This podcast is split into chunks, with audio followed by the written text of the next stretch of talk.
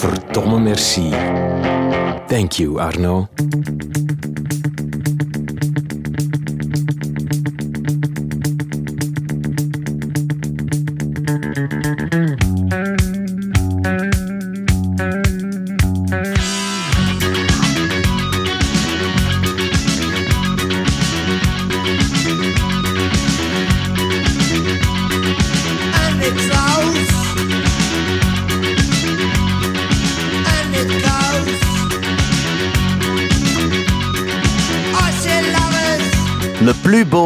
Is niet meer.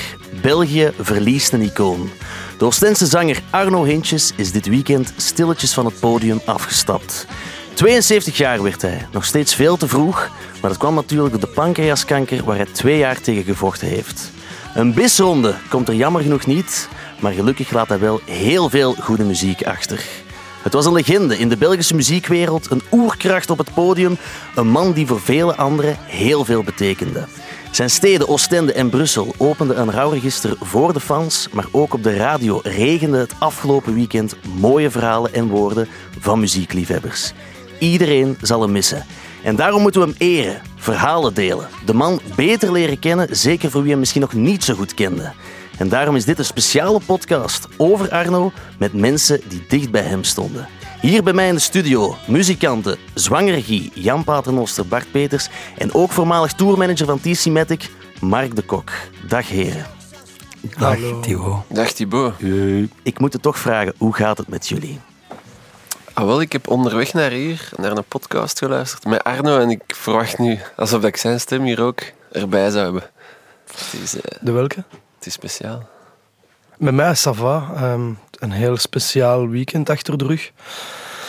Eh, je ziet het... Allee, ik wist dat hij ziek was, maar het is niet leuk om... Het doet echt iets heavy. Plots komen veel herinneringen boven en schone momenten. En ja, de, straat, de straten gaan anders zijn van Brussel. Jullie hebben hem allemaal gekend. Hoe is dat nieuws bij jullie binnengekomen afgelopen weekend? Als het dan uiteindelijk zover is, dan schrik je toch. Dat, is raar, hè? want allee, ik bedoel, hoe, hoe schoon eh, werd dat aangegeven van mannen, dat is het lot. Hoe mooi ging hij daar zelf mee om? Van ik aanvaard mijn lot, maar dan gebeurt het. En ik, ik denk, maar dat heeft met mijn generatie te maken. Je hart schiet vol melancholie en vol herinneringen. Die, die gaan terug tot, tot in de jaren zeventig.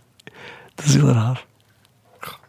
Marco, hoe heb jij het eh, afgelopen weekend ervaren? Ik, eh, ik ben nog eens eh, langs de Saint-Cat, Saint-Catlijnen gelopen. Het, eh, wat ik regelmatig deed de jongste dagen in de hoop hem daar te zien op, op, op een terras. Liefst eh, eh, Le Petit Chou de Bruxelles, het, waar hij zijn vaste stek had. Maar eh, hij, hij was er natuurlijk niet meer. Het, eh, maar ik deed dat de jongste weken en maken, maanden vaker. eh, gewoon dat bochtje nemen het, en hopen. eh, hem bellen deed ik niet meer. Het, eh, het, eh, en hij belde mij ook niet meer, want in, in het verleden was het dikwijls eh, een privénummertje. en dan was het. eh, za, za, za, wat is er te doen vandaag in Nabi? En als het iets naar zijn goesting had, was, eh, dan eh, ja, zo de Fountains DC of eh, Idols, dat, dat, dat was een meug wel. Het, maar ja, Dat was niet meer. Hè? Nee. Ach, Ik snap u. Bij mij staat hij in mijn gsm als anoniem. Want hij belt altijd op anoniem. En dat is de enige dat ik wist van, oké, het kan Arno zijn, dus anoniem is het voor mij altijd geweest. Ah. En, en de, ja, like gezegd, de laatste tijd beelde hij niet meer. Hmm. En dan weet je gewoon...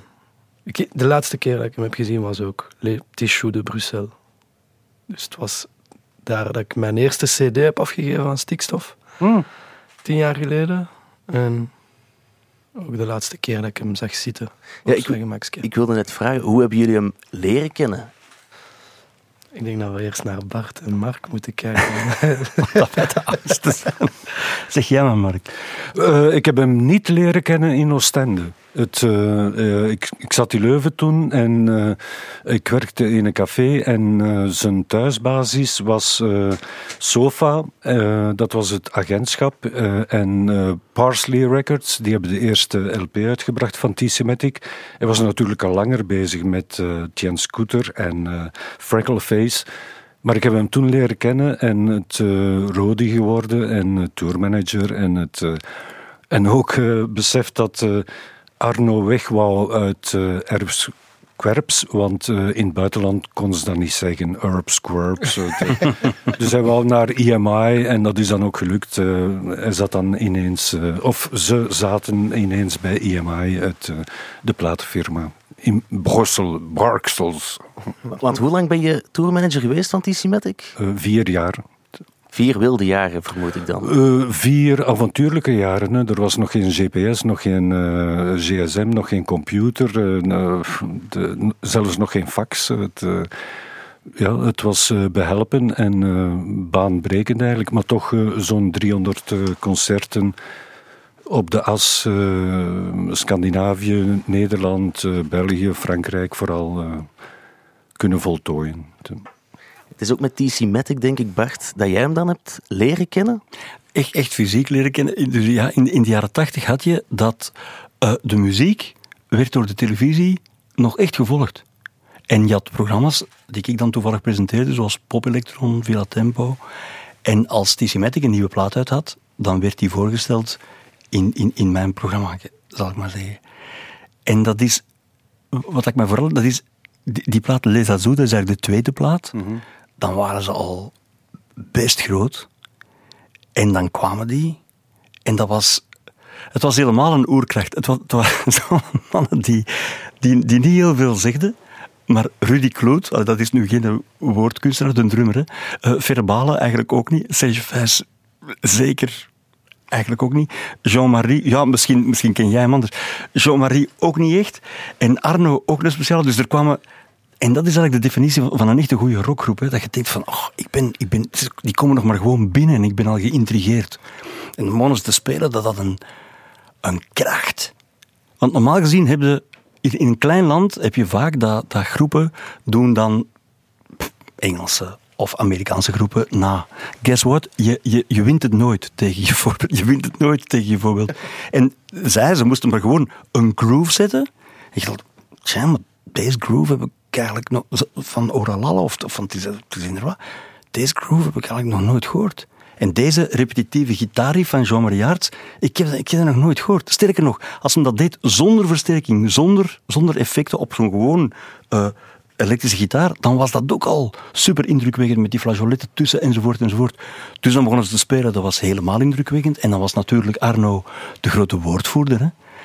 Uh, uh, ik was 22, hij was 32. Dus in mijn ogen was dat al een serieuze mens. En, en die kon voor hetzelfde geld mij ook snotneus, whatever. En ik stelde voorzichtig een vraag. En nu pas besef ik, daar kwamen altijd de schoonste antwoorden ter wereld op. Ja. Ja, ik heb het archief ook wat uh, ja, doorgegaan. En ik heb daar ook beelden gezien van die interviews die jij hebt afgenomen. Ja. En daar waren zijn antwoorden vrijwel elke keer legendarisch te ja, noemen. Ja. Uh, net nadat ze uh, het voorprogramma hebben gedaan van Simple Minds met ja. DC Matic, stelde je hem een vraag en dit was Arno zijn antwoord. Ja. Rock and roll, en ik heb dat nu gezien, geloof me, is een business en het stinkt. Sommige groepen die heel bekend zijn, hebben niets te maken met muziek. Je hebt de Simple Minds leren haten? Of nee, nee, nee. Ik zeg alive and flipping. And promise me a sausage roll. Maar ik hou van de mensen van Simple Minds. De persoon zelf. Is dat ook de manier waarop jullie hem kenden, Jan en Gorik? Ik vind dat toont wel echt zijn liefde voor muziek. Hij leefde echt alleen maar voor de muziek en van de muziek. Waardoor het hem, ay, hij is ook blijven spelen, echt tot het einde. Je ziet dat dat echt zijn kracht in alles was en dat geld of zo daar geen belang in heeft. Niet in zijn persoonlijk leven, niet in zijn muzikale carrière of zo. Dat maakt hem niet uit. Of dat hij iets zou opbrengen of zo. Dan snap ik dat antwoord daar aan Bart. Van, eh, omdat je zo wel niet, niet wilt dat er... Als uw beeld van muziek is, ja, je leeft daarvoor. En dat je dan iemand anders in de muziek tegenkomt, dat toch wel dan grote... Uh, namen zijn of zo. En dat die dan blijkbaar wel iets voor het geld doen. Ik snap wel dat dat beelden kan veranderen. Het, het, was een, het was een heel pijnlijk breekpunt in, in het leven van Tissimatic. Het heeft ook geleid tot hun, tot hun split. Dus ze wilden dan graag het buitenland doen. En dat, is, dat lukte in Scandinavië enzovoort. Maar dan gingen ze het voorprogramma doen van de Simple Minds, die toen waanzinnig populair waren. En hij vertelde van, hun, hun kleedkamer werd op slot gedaan, zodat ze de Simple Minds niet konden lastigvallen of wat dan ook. En bijvoorbeeld in Italië werden die bekogeld met, met flessen en, en van alles. Uh, om dan nu eenmaal, dat kan toch ten eerste ten beste een boer weten, zo, de muziek van TC Matic en van de Simple Minds, dat is iets anders. De Simple Minds, dat is meer commerciële popmuziek. En dan was dat toch wel een heel raar voorprogramma. En en Arno is ook daar, zelfs voor, voor een, een regen van, van vliegen... Live, jongen, wat dat die allemaal... Zelfs voor, een regen van vliegende flessen bleef die nog altijd volledig gaan. Maar dan heeft hij wel beseft van... Er zijn in, toen, toen in, in ja, half jaren tachtig, zijn er in België niet genoeg powers that be om zo'n groep als TC Matic echt te lanceren in de hele wereld.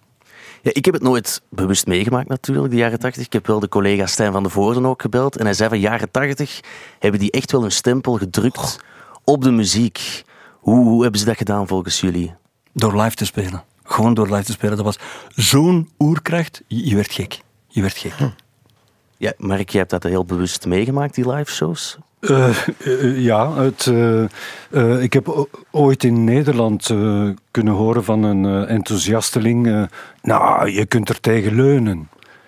het geluid was zo potent. De, het, het, ik, ho ik, hoop dat er niet te veel gehoor, gehoorhinder uh, is ontstaan. Het, uh, maar effectief, het was een uh, zeer krachtig geluid. En de muziek was krachtig, maar ook hoe ze het brachten, zeker live. Het, mijn favoriete LP's of CD's, de eerste en Choco de derde. Ja, dat is voor mij de, de max. Het, zeker Choco. Het, en ook op het einde, als Arno afsloot met Haha, mijn favoriete nummer, dan was ik altijd. Ja, dan smolt ik in mijn broek. Het, ik heb die Haha hier ook klaarstaan. Misschien toch eens even luisteren.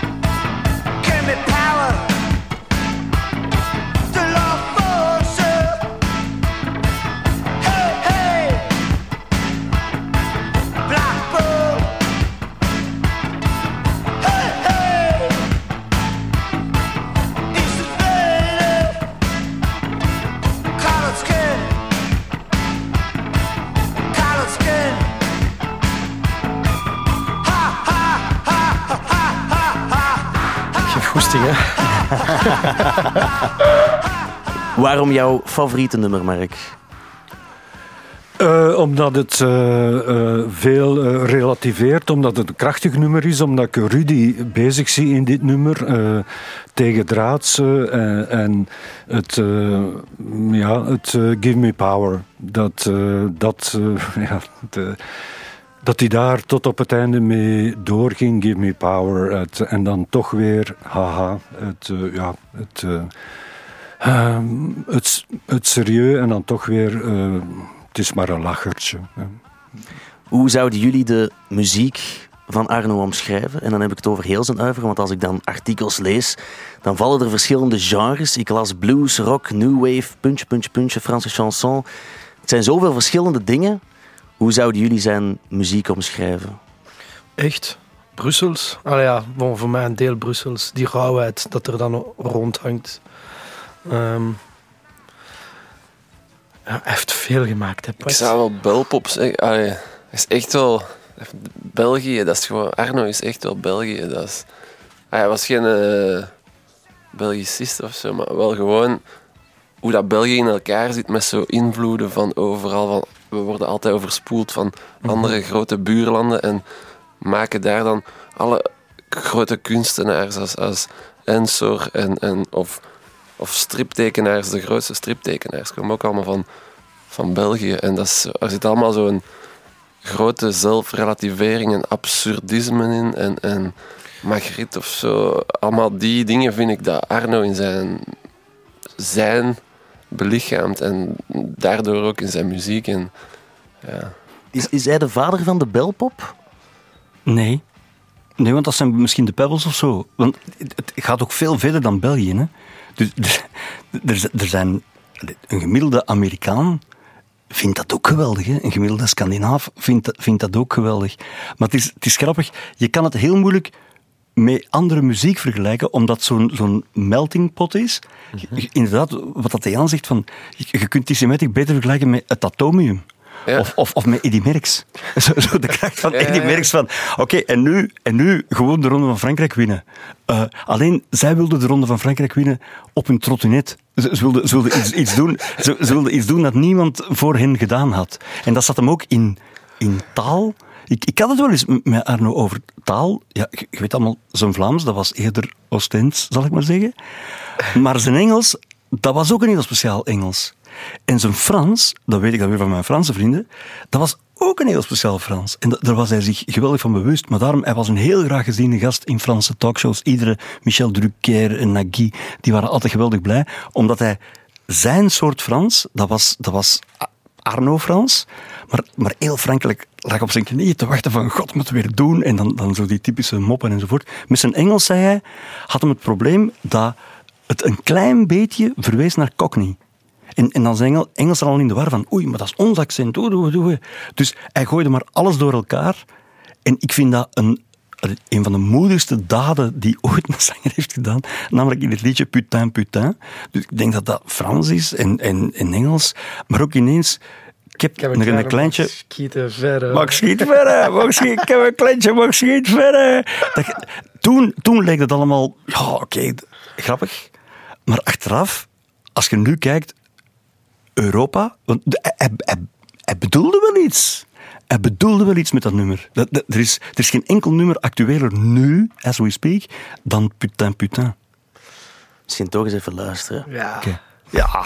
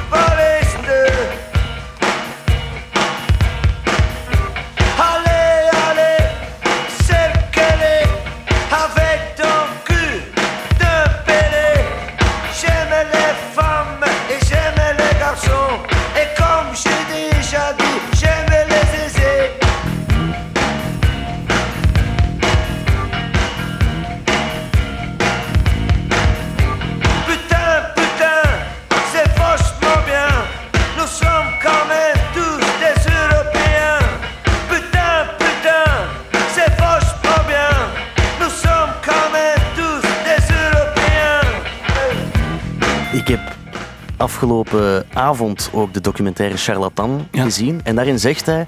Ik wil als een flesje Coca-Cola zijn. Mensen moeten mij direct herkennen. Niet fysiek, maar door mijn sound. Klopt, hè? Klopt, hè? Dat is dan vooral zijn stem, denk ik. Want eh, eh, er hebben ook accordeons onder zijn stem gezeten. Er hebben prachtige strijkers onder zijn stem gezeten. Of alleen maar een piano. Of, of een gigantische ritmesectie. Maar je hoort meteen, het is Arno. Het is... Ik, ik ken nog wel zangers die een eerder hees stemgeluid, maar die houden zich dan een beetje in. Die zijn dan Tom Waits of zo. Maar ene die zo'n oerkracht van een losgebroken stier had met zijn stem, dat, dat, dat- ik, ik, ik ken niemand die zo klinkt. Niemand. Ik ben daar echt van verschoten de eerste keer dat ik met hem op het podium kroop. Dus eh, we hadden gesoundcheckt en dat was allemaal subtiel. En dan kom ik op het podium en ik ben echt twee meter naar achter gesprongen. Wow, yo, hoe doet die en dat? Ja. Bij dat hem juist 70 was. En ik zei van, ah ja, oké, that's the goat. Hij, dat, hij, nu snap ik waarom Arno. Ja, ja. En je merkt het pas staat luid. Ah, je bent daar op het podium. op podium, maar dat hij naar uitkraamt. Allee, ik bedoel, hoe schoon en hoe luid en hoe goed. Dat was... Want, want over, geluid, want, want ik zag je teken doen met, met die gitaarveer of zoiets bij Putain Putain. Dat is Ja. toch het geheim van dat nummer, hè? Eh, dat was eh, bij Jean-Marie thuis, eh, repetitie. Gitarist, ja. Jean-Marie de Aarts, eh, de gitarist van Tissematic. En ehm, Jean was zijn, zijn gitaar aan het poetsen. Dus hij had zijn gitaar omgedraaid en zat een Fender met veren. En hij zat te krabben op die veren. En Arno zei... "Wa- wa- Doe dat nou ook, hè. Doe dat nou, ja, ja, doe dat nou ook, hè. Ja, eh." En dat was eigenlijk de intro van... eh putain, putain. Wauw. Ja, dat blijft eigenlijk heel dat nummer door. Dat is eigenlijk de groove, dat is eigenlijk de, de- het belangrijkste geluid daarin. En daar was hem ook ongelooflijk goed in van te zeggen, dat, dat wel, dat niet, want hij was zelf geen toetsspeler of, of, of gitarist of zo, maar hij kon geweldig duidelijk zeggen, dat wel, dat niet. Maar eh, mondmuziek... eh, Harmonica. mond, mond, Ja, ja, ja, mond, daar- ja, ja, ja. eh, daar- was Blues, dat is dan die blues, ja. ja. Daar haalde hij vaak boven. Op stammen nee. Dat zijn wel echt... Uit, uit het niks, als we samen aan het feesten waren, zo bam, eh, mondharmonica en ik begon te rappen. Ah, wel, maar Echt veel. impressionant goed op de mondharmonica. Wauw. Echt wel... eh, Ja, echt cool. Eh, eh, de, eh, de mondmuziek, mondmuziekje. Ja, Ja, muziekje. Maar hoe deed Arno dat dan? Die muziek arrangeren en de, juiste mensen eruit kiezen? Want TC Matic, dat waren eigenlijk allemaal muzikanten van een andere achtergrond, een ander genre misschien wel. Hoe deed hij dat, denken jullie?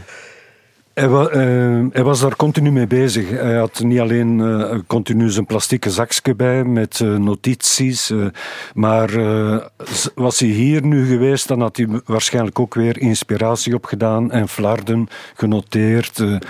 Eh, eh, in het Duits, in het Engels, in het Frans, in het Nederlands, in het, in eh, maar ja, hij, absorbeerde continu. Of hij nu op terras zat of op de trein. Of, alles was eigenlijk een inspiratiebron. En dat merk je ook in zijn muziek en in zijn parool.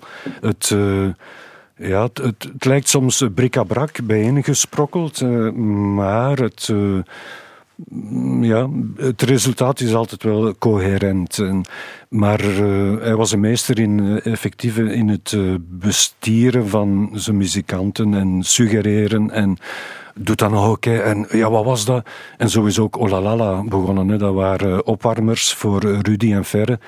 Totdat Arno zei van, ja maar wacht, wacht, wacht, doe dat nou ook, hè, doe dat nou ook. hè. En dat werd uiteindelijk Olalala. Dat is zo mooi dat dat... Dat zijn zo, zowel textueel als in de muziek zo de dingen dat veel mensen totaal niet bij stilstaan. Voilà, je bent je gitaar, je bent aan het opwarmen of Ja. zo, dus je bent nog niet focus. Maar hij is dan als artiest zo daar. ah, ja, En als mens constant focussen op de details die rijkdom bieden aan wat dan daarna zijn nummers worden, maar wat dat gewoon wel rijke dingen in het leven zijn die redelijk onzichtbaar zijn. En hij kan die dan wel, hij kan die daarop inzoomen en dat gebruiken en focussen en daar een nummer mee maken. Al is het maar een, een riedeltje op een gitaar dat eigenlijk nog niet bedoeld was als gitaarspel. Of iets wat er hier nu gezegd zou worden, waar dat niemand bij stilstaat. Dat hij denkt, ah, dat, dat, is, dat is het geniale. Dat, dat is echt wel de kracht van Arno. toen, toen niemand nog al samplede, was hij al een soort live sampler. Dat. hè. En, dat, en blijven er al. Blijven er al blijven er. En hij had ook, hij had nooit oorklippen. Hè? Allee, oogklippen zeggen ze, maar oorklippen.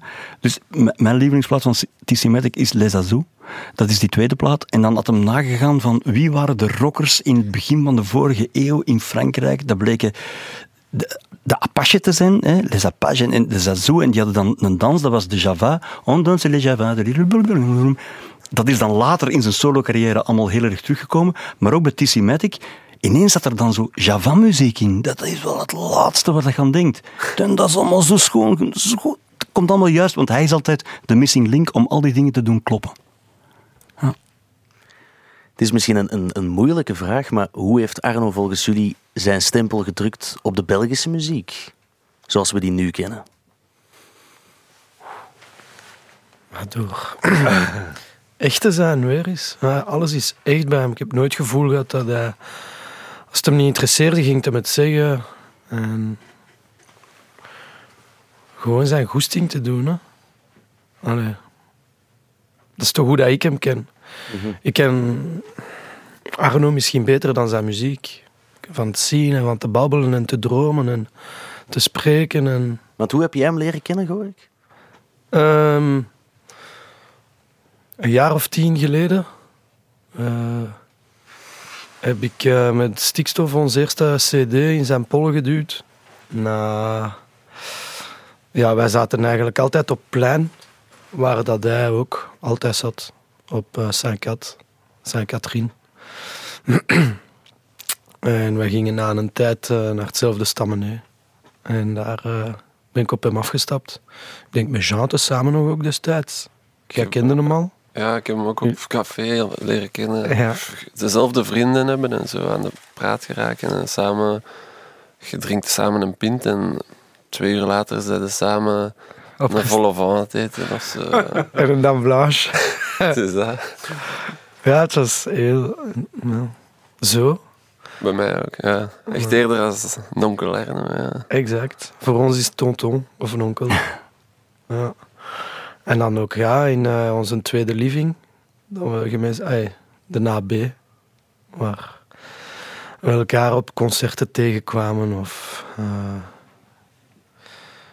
niet wisten dat er iets was, maar er wel stonden. Zo ja. Hij, loopt, hij, hij liep gewoon in dezelfde quartier als ons rond, waar dat wij ook onze commissies doen. En je komt hem ook in een de lijst tegen, snap je? Mhm. Zo simpel is het. Het was niet alleen op stammen, nee, het was... Ja. De man van het volk, zoals ze zeggen. ja. Ik heb ook wat dingen opgezocht en ik weet, jij hebt met Arno verschillende keren samengewerkt. En dit was eh, iets wat hij over jou gezegd had. Waar een goede vriend van me, zwangere. We zien elkaar regelmatig op café. Je woont hier in mijn streek, hè, ja. Het is niet ver, hè. We moeten de metro niet nemen.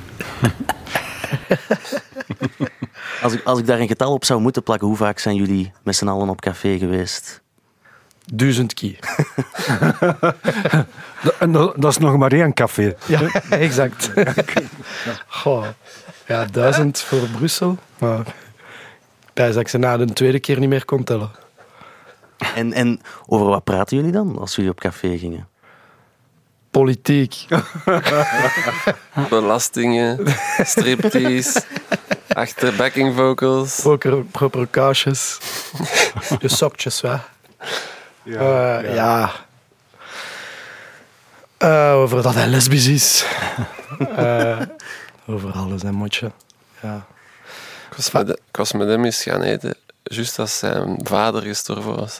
Dat was heel raar, maar ik vind dat dan nu heel raar, omdat dat helemaal niet zo lang geleden is. En dat hij wel vond van, mijn pa is te vroeg gestorven, of toch, hij had daar nog veel aan willen vragen en zo. En, en nu, zo, eh, daar nu op terugkijk, dat is totaal niet zoveel jaar geleden. En nu plots is Arno dan gestorven, vind ik absurd dat hij dan ineens zo snel ook al is moeten gaan.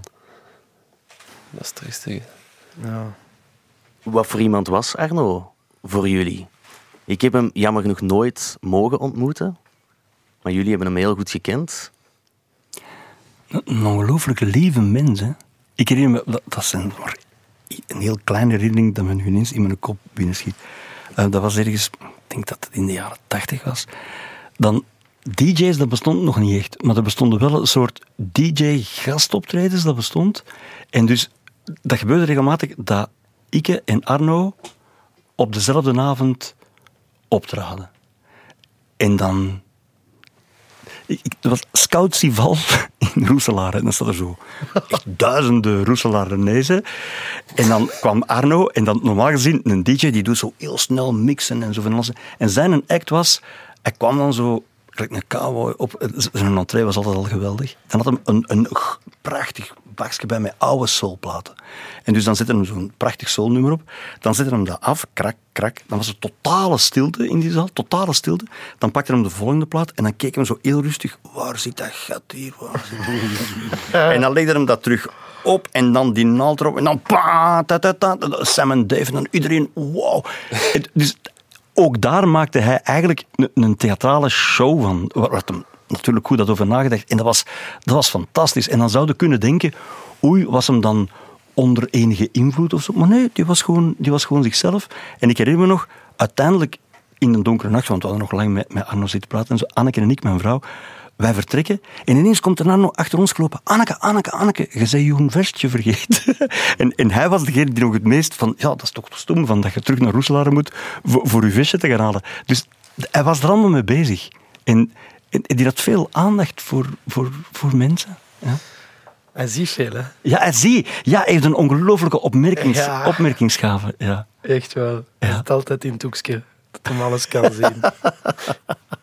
Echt wel. Hij heeft veel... en hij, hij- hij wist ook van muziek, want ja, nadat ik die, die cd had afgegeven, eh, je gaat daarop af. eh, ik ben al zo van, al mijn moed bij van, dat is van ons. En dan, ja, ja, ik kom er nog eens tegen. van, Ik heb geluisterd, hè. Dus hij doet het wel, snap je? En, en wat vond hem? Ehm, hij vond de producties goed. het was mijn eerste cd, dus ik snap hem. Enfin, eh, hij vond dat goed en hij vond het echt ons... ah ja, we kwamen ook met een nieuw soort geluid, denk ik. het is raar om te zeggen, maar het was geen klassiek gesampelde oldschool hip-hop, of, of, om het zo te zeggen. We gingen geluiden van Brussel gaan samplen.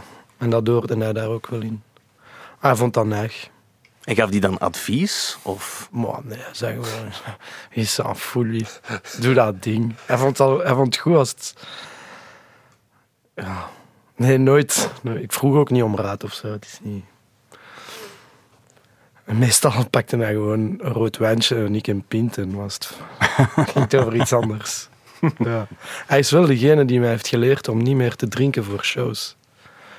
Om tournees nuchter te doen. Ik kon dat niet begrijpen. Maar nu doe ik het ook, dankzij hem. Dat is echt... Ja. Ook geen een bio-windje? Een bio-windje? Niks meer, ik drink. Nee. oh. Niet meer voor shows, nee. nee. nee. Allee, ja, eh, geen alcohol, hè. Nee. Ja. Ook echt nu sober spelen. Dat heb ik van een onkel geleerd. En voelt wel goed, hè? Amai. Het is helemaal anders. Allee, ik, ga, ik ga dat eerlijk toegeven. Het gaat, ik eh, deed al- altijd anders. Maar Arno heeft mij veel geleerd. Heeft hij jullie andere drie ook dingen bijgeleerd waar jullie nu van zeggen, dat heb ik van Arno geleerd? De, Garnaalkroketten bakken? eh, eh, eh, bakken is simpel, maar ze klaarmaken, ze prepareren, dat is iets anders. Maar er zijn beelden van. Het, eh, En die beelden heb ik hier klaarstaan in audio. ja, en, Een beetje en, en vergeet... zout. Ja, en een beetje schilfertjes Een erbij. beetje Ja. peper Ja. en een beetje iets van mij. Altijd, moet dat altijd doen, dat is voor de geest. Ja, altijd. Hij- was, hij was wel streng hè, soms. Ik, ik- ik kreeg regelmatig naar mijn voeten van Arno. Dat hij, zei van, ja, dat hij zegt van... Je hebt nu een programma die goed is, maar...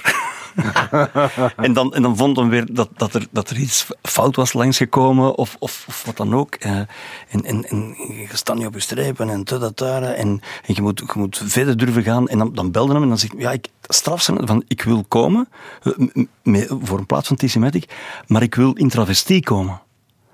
En dan zijn, maar ik vertrouw natuurlijk niemand op de VRT om mij in vrouw om te bouwen.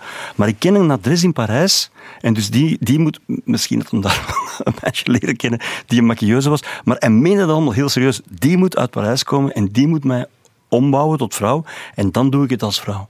Van, van, je, moet op je, je moet op je strepen staan. Je moet, je, moet, je, moet zelf weten wat dat je waard. En je moet, je moet respect ook ehm, afdwingen. Afdwingen. Dat deed, dat deed hem ook echt, hè? Ja, ja. Ja. Ik heb, zeg ik ook, als mensen kwamen met voor foto's, dat was zo nieuw. Al ja. het is veel is veranderd, denk ik en weet ik. Eh, vroeger was het misschien een handtekening en plots begon dat selfies. En dan, Ja. als ze maar aan het chillen of aan het eten was, was het echt van, laat maar gerust. Dan zei hij, nee, nee, nee. Mijn vriendin weet niet dat ik hier ben. Maar hij, hij, kon dat ook, hij kon dat ook doen. Bijvoorbeeld als een groep speelt op een festival waar ze niet top of the bill zijn. Ik denk nu aan het Seaside, dat is heel, dat was heel bekend. Hè. Het Seaside Festival in de Pannen was dat toch zeker? Hè? Ja. Ehm, dat was iedere avond de, de hoogmis van, ze noemden dat de zwarte frak. Allee, dus hoewel dat dan heel warm was en zo, had iedereen zo'n lange zwarte frak aan en zo zijn haar zwart geschilderd en dat stond dan zo naar, naar alle kanten. En, en dan kwamen er zo de Bollock Brothers en de Ramones en, en, en van alles. En het liep er ook wel eens echt totaal fout. En dan kwamen zo de Stranglers, maar ai, die hadden een hit, hè, Golden Brown, hè, dus dat kon al niet. En dan in een, in een klein, Jean- Jean-Jacques Burnel, die speelde bij de, bij de, bij de Stranglers. Eh, en, en dan op, op een stil moment riep iemand uit dat publiek, uit die 50.000 man, Jean-Jacques Brunel, homoseksueel. Dat, en die gast werd kwaad. Die Stranglers ging gewoon dat podium af. Dat podium werd bestormd en zo. Ik nu wil er toch niemand nog op dat podium gaan. En dan kwam Arno, maar werkelijk, die, dat is zoiets van, al, al vermoorde mij met 50.000, eh, je kunt van mij alleen maar op pak slaag krijgen. Dat, dat- dat was zo'n soort, dat was zo'n soort van er staan voor te hebben. En eh, Arno helemaal in het wit. Ja, ja, ja, maar hij had, op dat festival had hem altijd van die rare, van die totaal rare dingen. Ineens kwam hij dan op als cowboy met, met zijn mondmuziekje en dan, dan was zo met een lange frak, heel indrukwekkend. De het volgende jaar kwam hij inderdaad in het volledig wit als een Arabische prins met een tulband. Maar die, die tulband was echt van een lint gemaakt. En in het derde nummer begon die tulband zo wat te lossen. En dan zei hij, ja, ik kon dat uitdoen, want mijn Nima is naar de klote. Maar hij kon er dan zelf geweldig mee lachen. En een andere, want hij heeft er heel vaak gespeeld, ook als solo-artiest, had hem ineens een gebroken arm.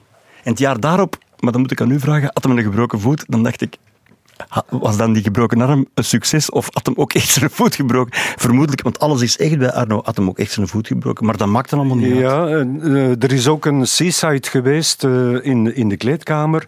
Was hij compleet ingebonden. We moesten hem inbinden. Ja? Eh, met eh, riemen. Zo Echt zo in eh, Bondage. f- f- foetushouding. En, eh, en tot vijf minuten voor het optreden, eh, dan mochten we hem loslaten. En dat werkte wel. Dat was een fenomenaal optreden. Maar dat was echt zo... eh, een kwartier voor eh, de showtime. eh, Bing, bing me maar vast, de hoop. Wauw. ja, zo. Ja, Mark, jij was tourmanager. Hoe moeilijk was het om eh, op tour te gaan met Arno? Of hoe plezant? Of... Eh, eh, met de, met de, de, de hele bende was moeilijk hè, in die tijden, eh, begin jaren tachtig. Maar het eh, eh, kon gelukkig eh, Oostense en Engels en Frans. En eh, ik kon ook tellen, ik bleef lang wakker. Het, maar het was toen heel veel poespas ook aan de grens.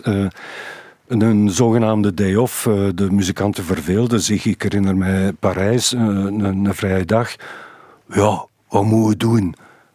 Ah, Ja, allee gasten, we zijn in Parijs. Het, eh, het, eh, Doe een museum of eh, doe de Turken rond een blok of zo. Allee, te- ja.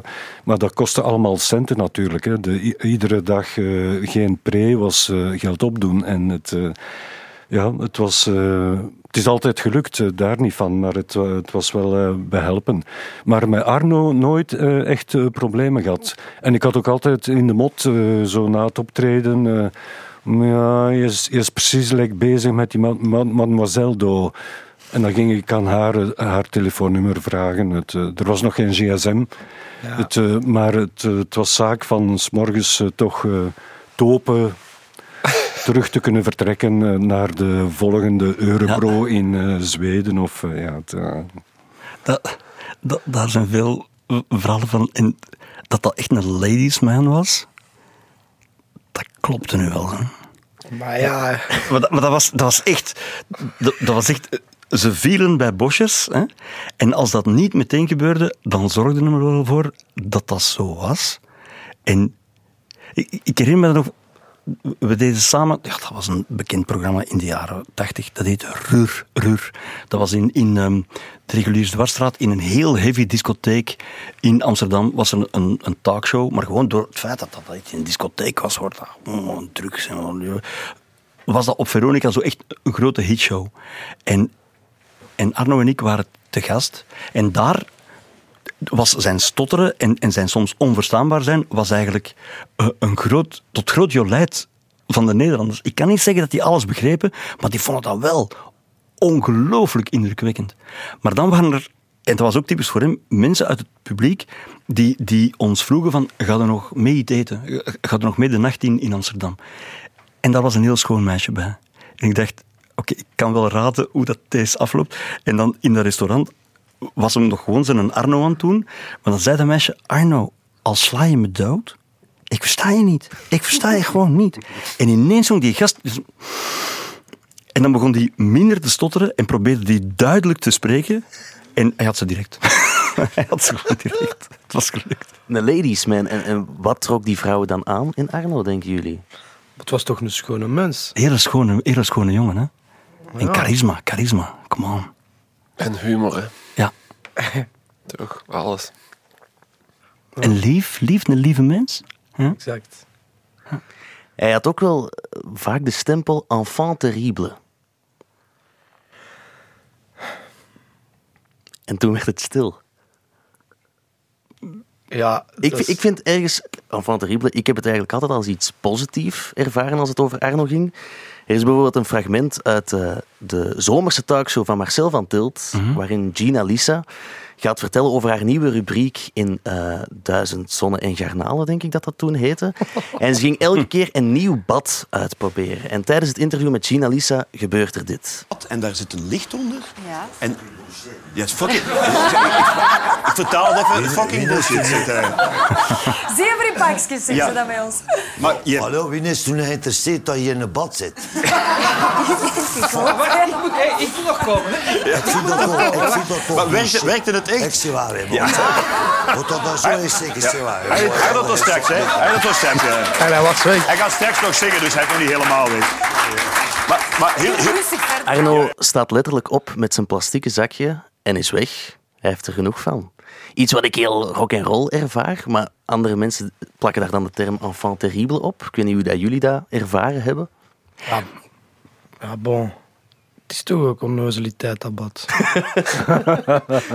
en, of ben ik nu... Nee, nee, hij zei, hij zei altijd wat dat hem dacht.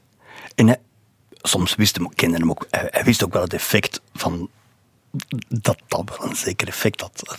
Natuurlijk, natuurlijk wel. En ik heb me dat ook vaak afgevraagd, omdat ik heb heel veel optredens van hem gezien. En ene keer was hem misschien even buiten adem. Je zou van, van minder, want die energie was ongelooflijk. En ineens zei hem dan, ik, eh, ik ben mijn contactlenzen kwijt. Ja. En dan, en dan begon hem op het podium, ja, dat is redelijk speld in een nooit, op het podium naar zijn contactlens te zoeken. Ik dacht, ofwel is hij echt zijn contactlenzen kwijt en moet, wilt hem die terugvinden, of anders wilt hij wat bij adem komen. Maar gewoon, Arno die zoekt naar zijn contactlenzen, maar dat is ook rebellious, want in principe, oh, je moet aan je tijd houden en je mag niet, je moet, en optreden is optreden. En dan werd dat contactlenzen zoeken eigenlijk een nummer. en, en dan denk je van, is hier, is hier een clown aan het werk? Of is dat... Vermoedelijk wel. Vermoedelijk was, was hij ook een soort... eh, de clown van God. Allee, zo'n hele geïnspireerde, straffe clown. Ja, en dan eh, contactlenzen zoeken en tegen het einde van de act... Oh, ken hem, ken hem, ken hem. Zat hij opzij van zijn oog. Vind ik wel schoon, de clown van God. Want dat is, dat is zoveel momenten bij Arno dat je, allee, op podium vooral, dat je zo hebt van, speelt hem er nu mee? Ja, ja. Of niet? Of mee- is hem er nu echt zo zwaar mee aan het lachen? Of, of is, is dit serieus? Dat is zo vaak op een Arno-concert dat je zo'n moment meemaakt. En toch laat hem u in dat ongewisse van, welk van de twee is het nu? En tegelijkertijd blijft hem 100% geloofwaardig en zichzelf. Dat is geniaal. Maar dat, eh, dat me- mechanisme heb ik eh, heel vaak gemerkt. Zo, eh, bijvoorbeeld in een studio. hij, hij krijgt een vraag. een simpele vraag. Arno wist. hij gaat er niet op antwoorden. Het, het antwoord zal zijn... Zeg maar, dat is wel een schone micro, is dat? Ja. En die, dat heeft met dat, met dat stotteren te maken ook. Hè. En die, ja, er is een, een, een, soort mechanisme in zijn behavior eh, die hem eh, uniek maakt, eh, die hem tot eh, Arno heeft gemaakt. Ik denk daardoor dat je zo meteen altijd persoonlijker kunt gaan, omdat je Hm? normaal ja, oké, heb je inderdaad zo vragen van hoe is het? En je zegt direct, ah, goed. Of niet, ah, op tv zeker, je gaat daar niet, ah ja, pff, ik heb zeer aan mijn tanden. Of zo. Ah, dat is nu niet, zo, is, zo gaat dat niet beginnen, maar hij gaat altijd inderdaad op een andere manier antwoorden, waardoor dat je degene die de vraag stelt niet meer in zijn rolletje zit of zo als interviewer, maar dat je meteen een persoonlijk contact hebt van, van twee mensen die praten. Ja. Ja, Bart, jij hebt hem verschillende keren geïnterviewd. Ik heb daar ook beelden van gezien. Je hebt op een bepaald moment ook eens een vraag gesteld van ja, u bent iemand die moeilijk te doorgronden is, Arno. Op het podium een showbeest en daarnaast een soort van klein enigma toen nog. Hoe moeilijk was het om eh, Arno toen te interviewen? Dat was helemaal niet moeilijk. Dat was helemaal niet moeilijk. Je, je, je vroeg gewoon wat je oprecht wilde vragen en je kreeg altijd een geweldig antwoord. Altijd. Dat, dat, dat, dat zijn allemaal inkaderbare antwoorden. En als we elkaar eh, buiten de tv of, of de radio omspraken, of, of gewoon op, op concerten of wat dan ook, het gebeurde ook wel eens dat dat gewoon filos- filosofische gesprekken waren of, of over dingen waar hij heel erg mee bezig was. Hij had het, hij had het moeilijk met separatistische tendensen. Hè? Maar als hij daar een uiteenzetting over deed, dan dacht ik, maar, maar dat, is, dat is gewoon een politicoloog. Die, die, die, dat, is een slim, dat is een hele slimme mens. Hè? Dat is een hele slimme mens. Je voelt dat niet alleen zijn teksten, maar dat is wel een mens die echt heel diep nadenkt over de wereld, over de maatschappij. Echt wel. Zijn laatste, zijn laatste woorden eigenlijk op het, op het filmfestival van Oostende was ook... eh, no war, nous sommes quand même tous des Européens. En dan zijn we nog iets, leven de mosselen. dat, dat, dat, dat is ook nog altijd, dat doet hem ook nog altijd, ja. Om het niet te geladen te maken. Ja, ja, ja dus hij, hij, hij ont, ont, ont, ontzenuwt altijd de, Ja. ja, als, als hem iets heel ernstigs zegt. Ja. Hij heeft toch zo een keer Brussel beschermd in een brief tegen Trump? Ah, ja, ja, ja. België? Ja, ja, ja, nee, de hellhole, hè. dat was Brussel, hè. Ja, Ja, heeft hem toch ook een mooi opiniestuk geschreven. Was voor ons ook zo van... iemand spreekt als Brusselaar even over hoe dat het hier één, heel fout draait, maar twee, ook gewoon is door, ja, weten wij veel. Allee. Hij nam het even op voor een stad waar dat wij dag in dag uit leven. Eh, ja, allee. Als je daar het gewoond na de aanslagen, onze stad heeft echt gebloed. En ik was blij dat hij even naar voren stapte en het, het ervoor opnam.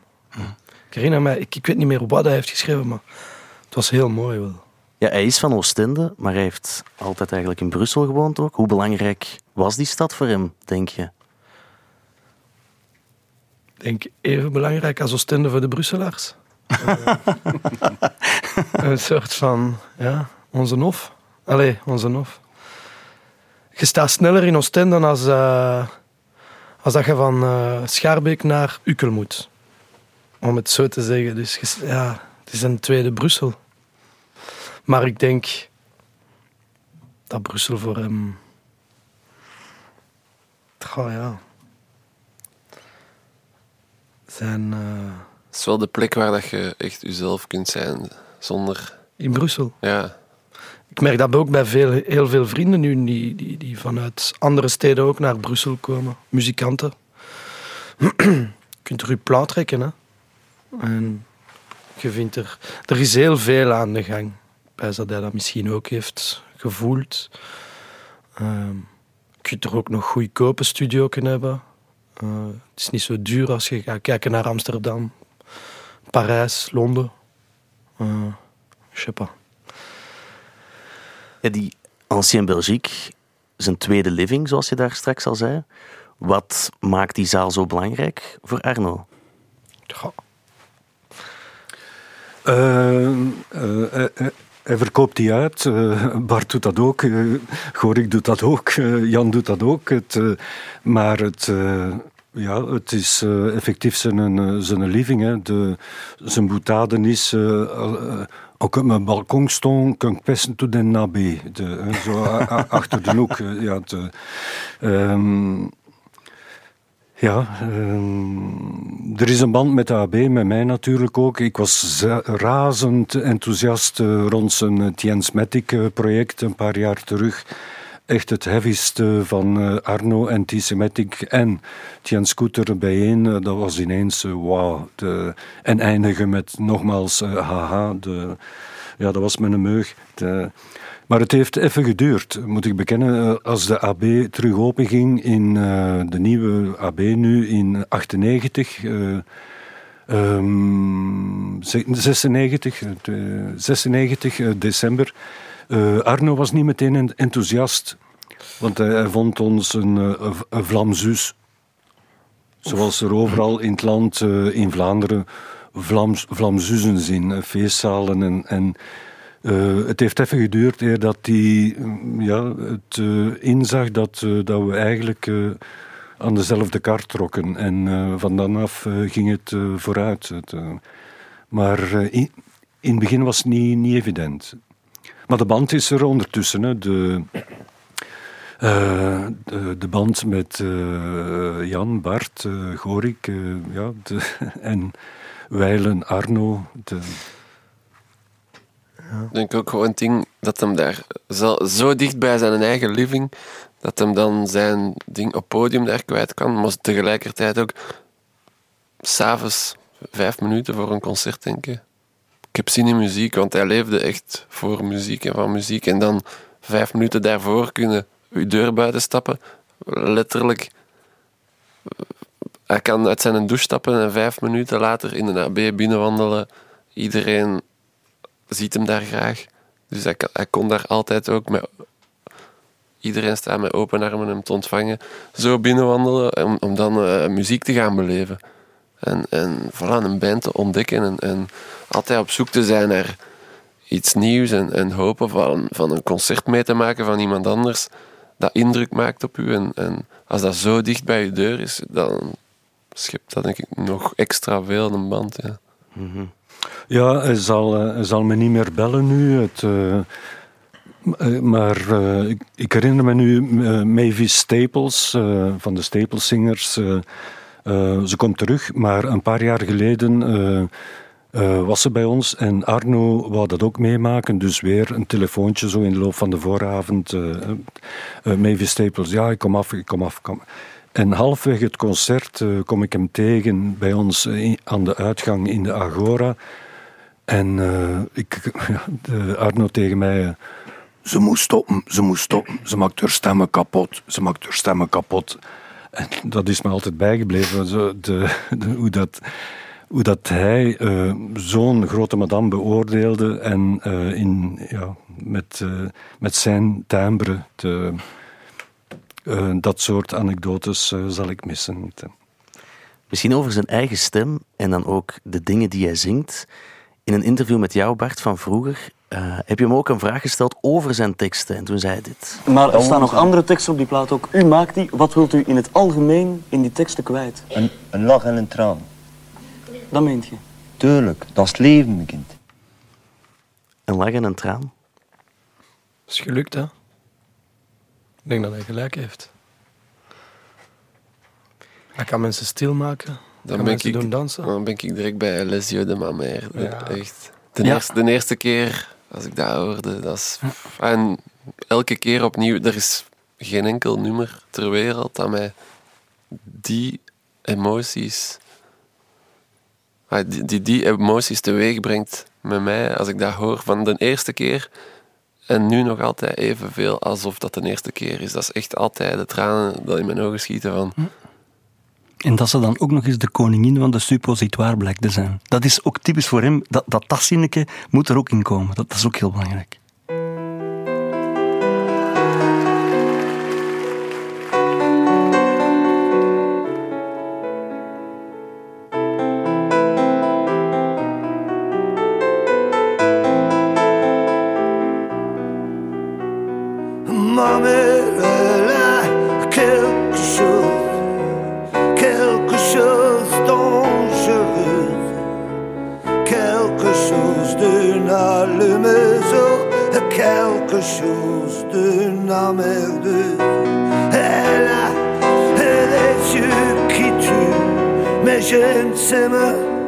sur mon corps.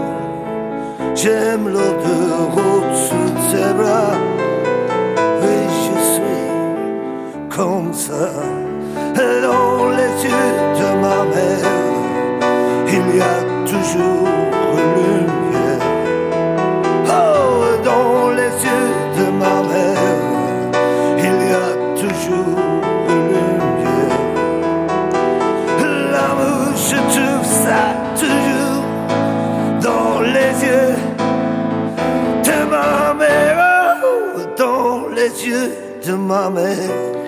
Wat maakt die teksten voor jullie zo speciaal?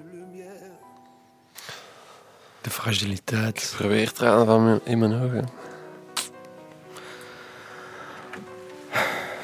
Ja. Ik heb zelf eh, een heel speciale band met mijn moeder. Alleen een heel moeilijke. En hij heeft, eh,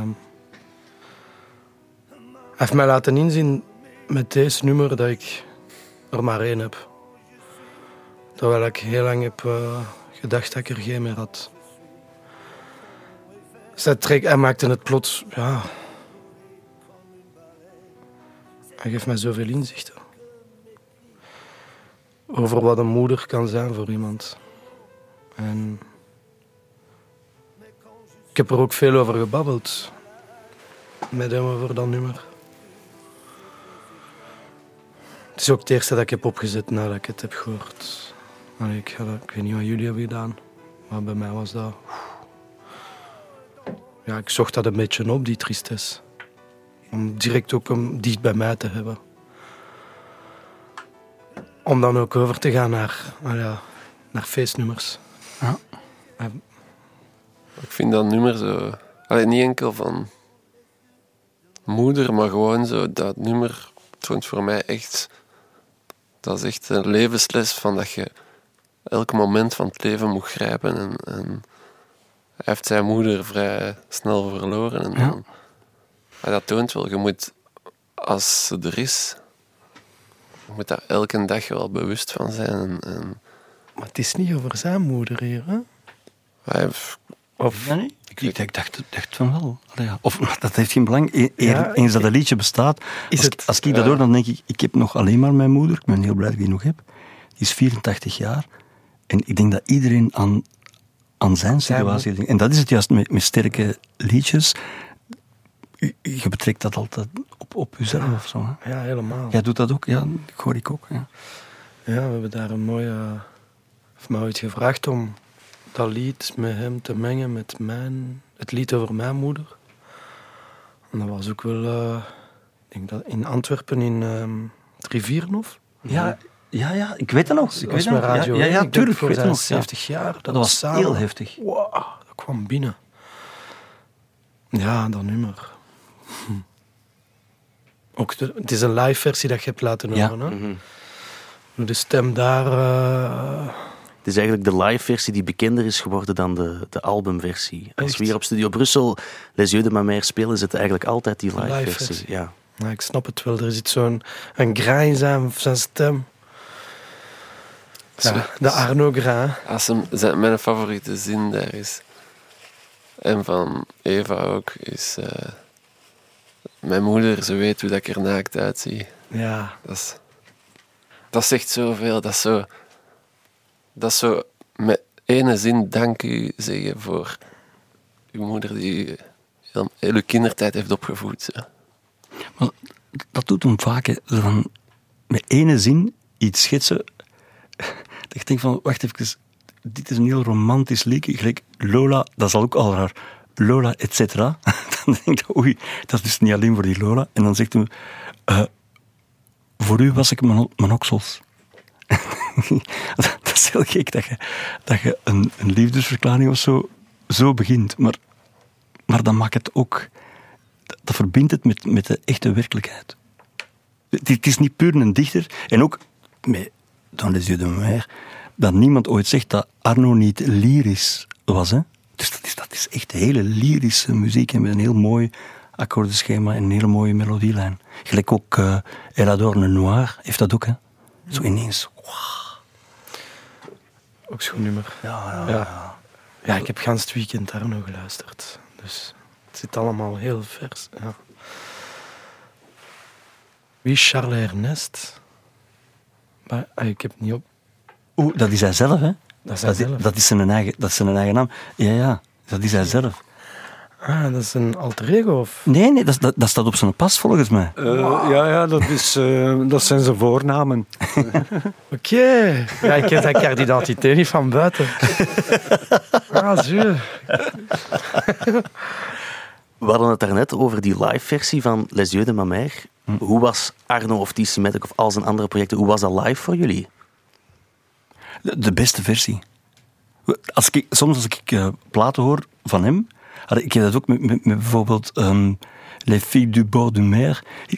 In uw kop is dat een live nummer, om- omdat dat zo'n ambiancebom is. En als je dat op de plaat hoort, dan denk je, ah ja. Maar toen was hem, als ik het goed begrijp, toen een Amerikaanse producer verplicht om dat nummer op te nemen. Hij had een cassetje bij van Adamo. Hij zegt, ja, maar ik kan dat niet doen, dat is een cover. Je moet dat doen. Ja. Eh, en in die omstandigheden is dat opgenomen, maar in, in het collectief onderbewuste zal altijd de live versie de belangrijkste versie zijn. Zwaar, zwaar. Adamo moet nu ook Joan Joan zingen. Ja, maar je hebt, je hebt hem heel vaak live zien optreden dan. Ja. Wat maakte die live show dan net zo goed, volgens jou? Eh, adrenaline. Het, ehm, ik heb bij, bij T-Sematic destijds eh, nooit eh, substanties weten gebruikt worden, het- tenzij alcohol. Maar daarna ook, als ik concerten met Arno deed in de AB, het was allemaal straightforward. Het, was allemaal, eh, eh, ik zal niet zeggen puur natuur, maar het... eh, adrenaline, dat was het eigenlijk. En ik heb Arno destijds ook met die Symmetric weten toekomen. En, en, en Tol van Flutol. oh, kan een, koter, een koter. Maar eens op podium zweette hij dat uit, alle poriën open. en ja, de, dat was het eigenlijk. Het, het podiumgebeuren, live kunnen spelen en het eh, alles geven. Het, eh, intensiteit. En ik heb, eh, ik heb er iedere keer eh, van genoten opzij van het podium. Altijd op kivief. moet er geen, is dat symbaal niet aan het vallen? de, zijn, zijn microstatief moest geplakt worden. De, de micro moest met gaffatape vastgeplakt op het statief. Dat was een ritueel. Want die, eh, hij ging nogal te keer met zijn micro. De, die, ging al eens, die zwaaide al eens naar het publiek, zo de, dat de eerste rij. En, eh, het, eh, Hij, hij kende James Brown. Hij kende James Brown. de, de, die, die had hem eh, eh, op zwart-wit televisie Ja, bestudeerd. Ja, ja, Ja, Gorik en Jan, jullie hebben ook verschillende keren samen live gespeeld. Hoe was dat? Ja, ik zei het daar juist al. Dat is, eh, dat is een hele eer. Ik ben altijd zenuwachtig geweest. Ik weet nog de... Ik. Oh, de Maar vooral altijd zot, omdat hem... Hij wou dat nooit repeteren. Hè. Dan Nee. Zo, zo ene, keer, ene keer repeteren en dan... Ja, het is goed, het is goed. Ah, Zo. Als je... Als je repeteren, dan, allee, dat is gelijk een verzekering pakken. Dat, dat is niet nodig. Ja, ik, maar ik heb zo fouten gemaakt. met- bij Ulle Stubru in 2019 met eh, de warmste week. Moest maar één ding doen. Ik stap op en vergeten. dus gewoon beginnen freestylen. Was dat putain, putain? Ja, ja, gans fout. Ik heb het hier klaarstaan. Ik vond het wel goed.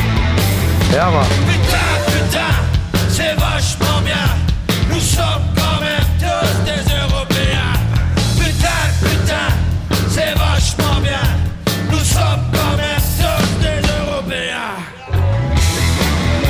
moest ik beginnen, pas ik. En ik zo, ah ja, en hij, hij zo. Hij had het al. Ah ja, ik weet niet meer, wacht.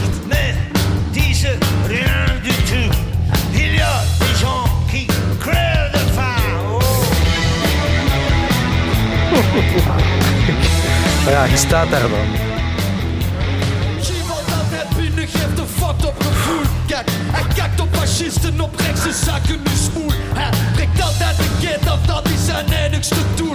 Ouais, kutter, kutter, kutter, dat is de dapperste crew. Hey! Ik vond het bangelijk. En als ik er nu naar luister, vind ik het nog altijd bangelijk. Ah, zalig. Dat Maar is cool. Jan, ik heb het jou eigenlijk ook eh, gevraagd wat dat jouw favoriete moment eigenlijk was met Arno. En ik ben ook het archief weer ingedoken en ik heb een Ook op de optreden warmste. gevonden, warmste week 2015, samen met Arno.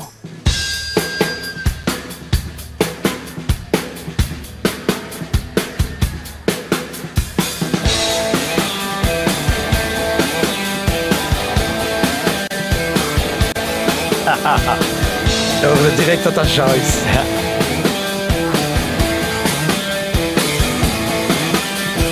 Finish a pie, twisted blind. Tip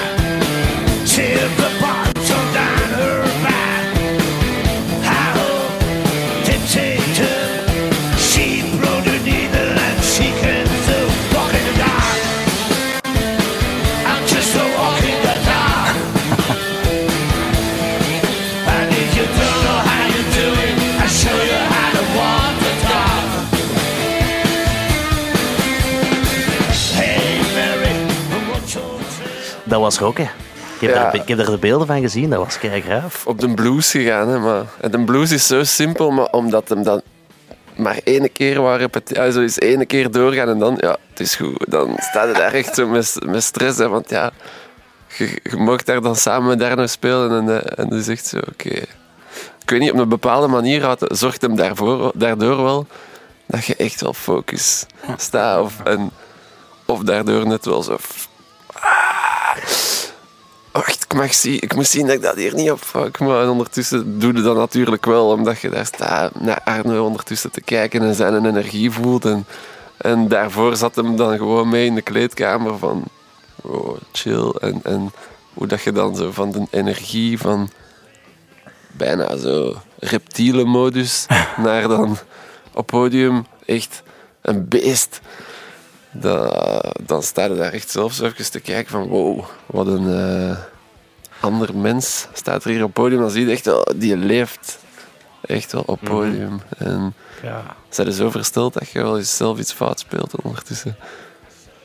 Ja, ik heb natuurlijk al jullie namen eens ingegeven in Google met dan Arno erachter. En Jan, ik heb ook iets gevonden van jou met Arno voor het overlijden, denk ik, van koningin Fabiola.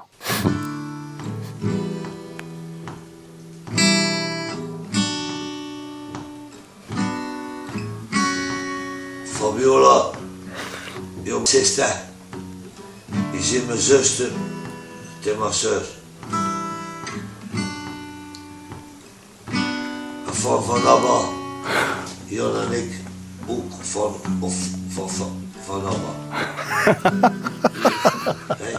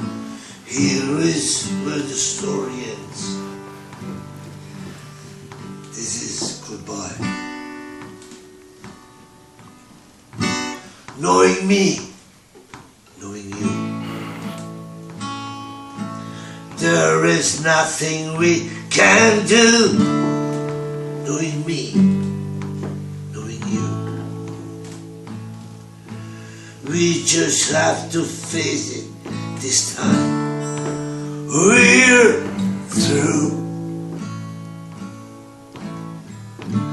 Breaking up is never easy, I know. But I have to Daar ging ik even de mist in. het, was, het was ook al drie of vier uur 's morgens. Ja, hoe zat dat juist? Fabiola was gestorven en, eh, Jij was aan en ik kreeg telefoon, anoniem. Arno neem. Jan, je moet nu afkomen. Je moet nu afkomen. Ik zei, ja, nee, ik kan niet. Ik was toen juist mee aan de monen en ik stond op punt om naar Gent te vertrekken. Nee, nee, ik moet naar Gent. Ik moet naar Gent. Voor wat moet in Gent zijn? Voor, voor een meisje. Zeg dat ze afkomt. Ik betaal haar een taxi, je moet nu afkomen. Ik zei, oké, is goed. Dus ik ga naar hem. Eh, Ja, we moeten een eerbetoon aan Fabiola doen. Ze was een fan van ABBA. We gaan Knowing Me, Knowing You oppakken. Dus ondertussen aan de monen in een taxi. die Arno betaalde. Om toch maar dat nummer te kunnen brengen op die avond. En ja, dat was echt wel eh, een magische avond. Heel, heel de nacht eh, muziek te maken, ABBA. En ik denk dat dat zelfs nog... Ik denk dat dat fragment zelfs nog gebruikt is in het journaal onder de beelden van Fabiola die de kerk werd binnengedragen. ja. Respect. Echt zo. Maar zo zie je van, ja, ze iets in zijn hoofd had van, oké, nee, we moeten dat nu doen. En echt wel zo, ja, maar zo met een kinderlijk enthousiasme bijna. Dat is echt dat is zo zalig. Van, kom hè, alles, alles moet maar schuiven, zodat we nu dit kunnen doen, want dat, de wereld heeft nu dit nodig. En, en ja, dat is, dat is plezant om dan daar deel van te mogen zijn en, en zo samen iets te beleven. Ja. Het is heel schoon ook, vind ik zelf. Ja, dat is heel schoon. Ik was daar zo lang blijven plakken toen, die avond, dat ik dan... En ze waren in mijn appartement aan het, aan het renoveren, dus ik kon eigenlijk niet naar daar. Dus dan zo om drie uur zo ik... Arne, mag ik hier blijven slapen? ik keek echt zo van... Clochard. Oh. Ja, Eh, dus, dus we zijn daar blijven slapen. Eh, ja. Is dat kot? Is dat kot? En dat is... Ah ja, waar dat hem woonde. Ja. Eind vorig jaar eh, heeft Arno ook een aantal laatste optredens gegeven in de AB en in Cursaal in Oostende. Hebben jullie dat nog meegemaakt? Waren jullie daarbij? Of wanneer was de laatste keer dat jullie Arno live gezien hebben? Was dat niet in 2020? Hij heeft nu afgelopen jaar zo voor zittend publiek in de AB nog een aantal shows gegeven. Ja, Ah ja, heb je het over die show? ja of- die Ah shows. ja, zijn, zijn laatste shows eigenlijk. Ja. Ik moest jammer genoeg spelen in Rotterdam. En ik zat echt van... Ah, nee. Ik, maar ik, ik heb echt getwijfeld om dat af te zeggen, maar ja, dat was zelf al tien keer verplaatst met die hele situatie. Dus nee, ik was er niet bij, jammer genoeg. Ik had zelf ook eh, een volle agenda en heb geen een van dat concert kunnen meemaken. Dus ik wist... ja. Maar dat is normaal, want dat was juist op het moment dat de concerten terug mochten, mochten beginnen. Want wij speelden dan de avond ervoor bij hem. Het is te zeggen, hij speelde ook in het Cursaal in, in Oostende. En dan dacht ik van, oh, weet hier, we zijn hier nu toch, dus ik kan beter blijven. Maar dan, dan speel je de dag daarna ook. Maar ik heb het wel gezien op de, de sessies. Ehm, hij heeft dan hier op de VRT een sessie gedaan, waar dat hij eerst begon met een, met, met een keyboardspeler. En dan kwamen Sam Gijsels en, en Mirko Banovic erbij. En dat was schoon, maar het was wel een andere Arno. Dus, dus je zag dat, dat hem eigenlijk al met één been in, op een andere plek was. Ik, ik, als ik dat zag, dan dacht ik wel, ja, deze is onomkeerbaar. Maar als dan, als het dan gebeurt, verschiet het nog. Ja, het was wel bewonderenswaardig dat hij toch nog in die toestand toch nog live speelde. En in een interview met eh, Michel Cuvelier hier op Studio Brussel zei hij in aanloop naar die optredens het volgende. Om te stoppen is het te laat. De tournee start eind december. Dat is mijn maîtresse in muziek. Zonder haar, wat moet ik anders doen? Ik verveel me dood. Het was echt het enigste dat hij naar leefde. Dat zij. En die plaat. Ik ben, eh, als, je, als we hem zagen, ik ben nog aan, dat, nog aan, dat, dat afwerken. Je zag dan, bam. En dat dat hem ook in leven hield. Toch nog die laatste keer op het podium en die laatste plaat. Voelen dat hem dat. Ik denk dat dat u recht houdt. Sowieso, ja. Ja. Zeker hem, ja. Ja. Je merkte zelfs daarvoor, voor als hem ziek was, van een periode als hem niet veel concerten had, dat zijn mindset echt wel minder. Mhm. Was gewoon, eh, Was hem in de war, hè?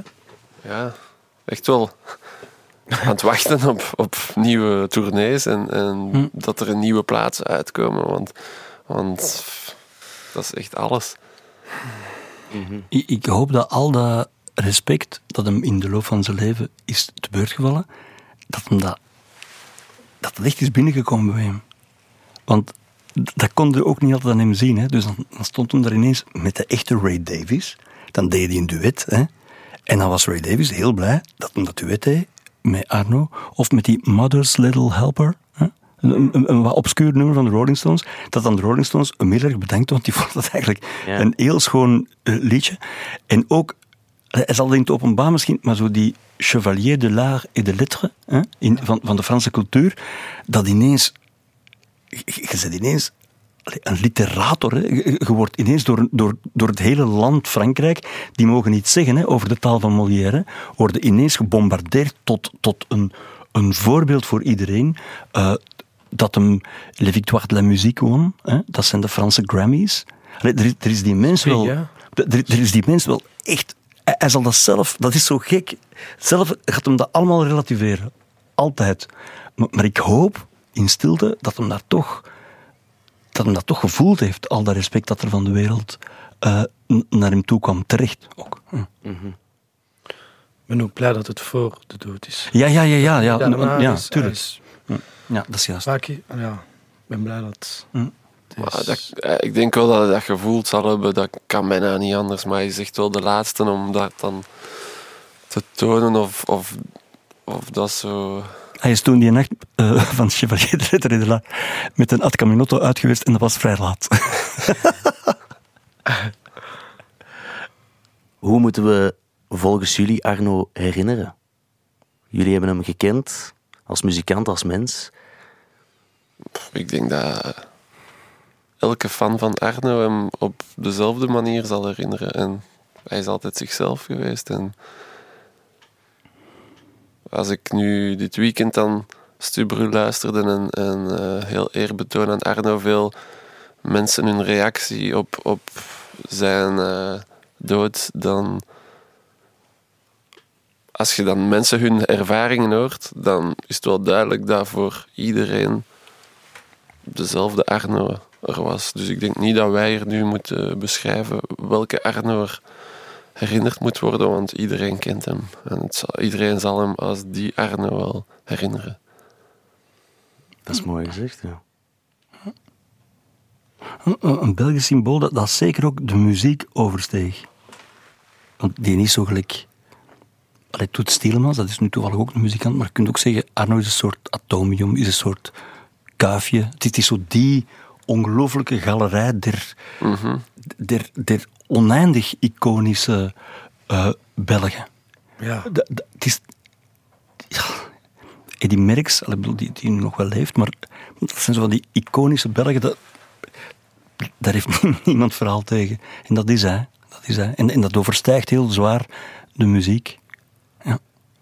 Ja, dat is als, oh, muziek. Bij mij wel muziek, maar als je dan kijkt van in de familie, dan, dan is het Arno. Hè? Dat is, of als je naar, naar bij iemand in het buitenland, veel vrienden in Zwitserland, dat is ah, Arno. hè, Ja, ja, dat ja, is ja. voor, voor hun van, dat is de king. Of eh, mijn bomma, die, heeft, die had een boontje voor Arno, zelfde leeftijd.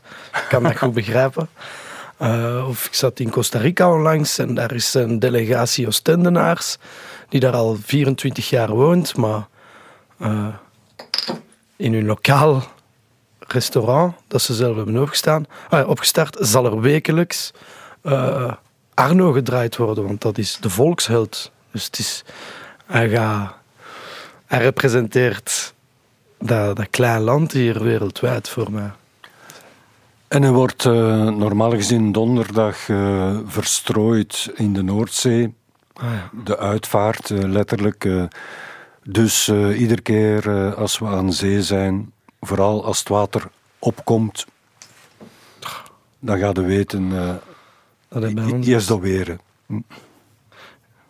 Dat is nu, ja. Ik heb mijn, mijn diepste nummers daar op het strand op mijn blote voeten ook afgewerkt. Dus dat betekent veel voor mij. Die over mijn moeder. Ook in Oostende. Oh, ja. Ik herinner mij dat hij mij belde zelf. Je bent in Oostende, wat gaat het doen? ja, waar gaat eten? Ik kon naar de, ik kon naar de casino, ik kon gewoon spelen. Ja. Dat is wel schoon. Als we hem dan missen, kunnen we naar Oostende gaan gaan. Ja. met ons blote voeten en kan hem ons tenen komen kittelen. Ja. Ja, dat zal er altijd zijn. Ja, ik had toch... Dat is we eigenlijk wel naar een Deringman moeten gebruiken. Dat is, eh, Een 0.0 drinken. dat is goed. Ja. Is er nog één nummer dat ik voor jullie mag opleggen en waarmee dat we dit gesprek dan eindigen? Ah, van mij mag, mag dat gaan van Jive to the Beat naar... ehm, Schoon. eh, ik heb er hier nog eentje, echt hè. Wauw, of Oostende Bonsoir. Die hebben we nog niet in de Nee. revue gehad. Nee. En dat is toch ook wel... Wauw. Ik weet niet, jullie kiezen. Dat is ook een heel schoon liedje. Oostende schoon. Bonsoir, denk ik. Het is, het is al waar, het is al waar. Ja. Ik ga dat hier tegelijkertijd proberen zoeken. En dan denk ik dat dat toch een mooi einde is van een heel mooi gesprek, waarvoor ik jullie heel dankbaar ben dat jullie er waren. En dan denk ik dat we Arno op een mooie manier toch een beetje geëerd hebben in dit gesprek. Heel erg bedankt Jan Paternoster, Mark de Kok, Bart Peters en Zwanger Guy. On se promène comme tous les soirs. On se dit rien, on va de bar en bar. Ça rime à rien, comme tous les soirs. Suis seul avec toi. Ostende, bonsoir. Spéliade allume la digue. Comme tous les soirs. Aux couleurs nostalgie. Aux couleurs désespoir. Peint les marées, le ciel et nos regards. Je suis seul avec toi. Au stand, bonsoir.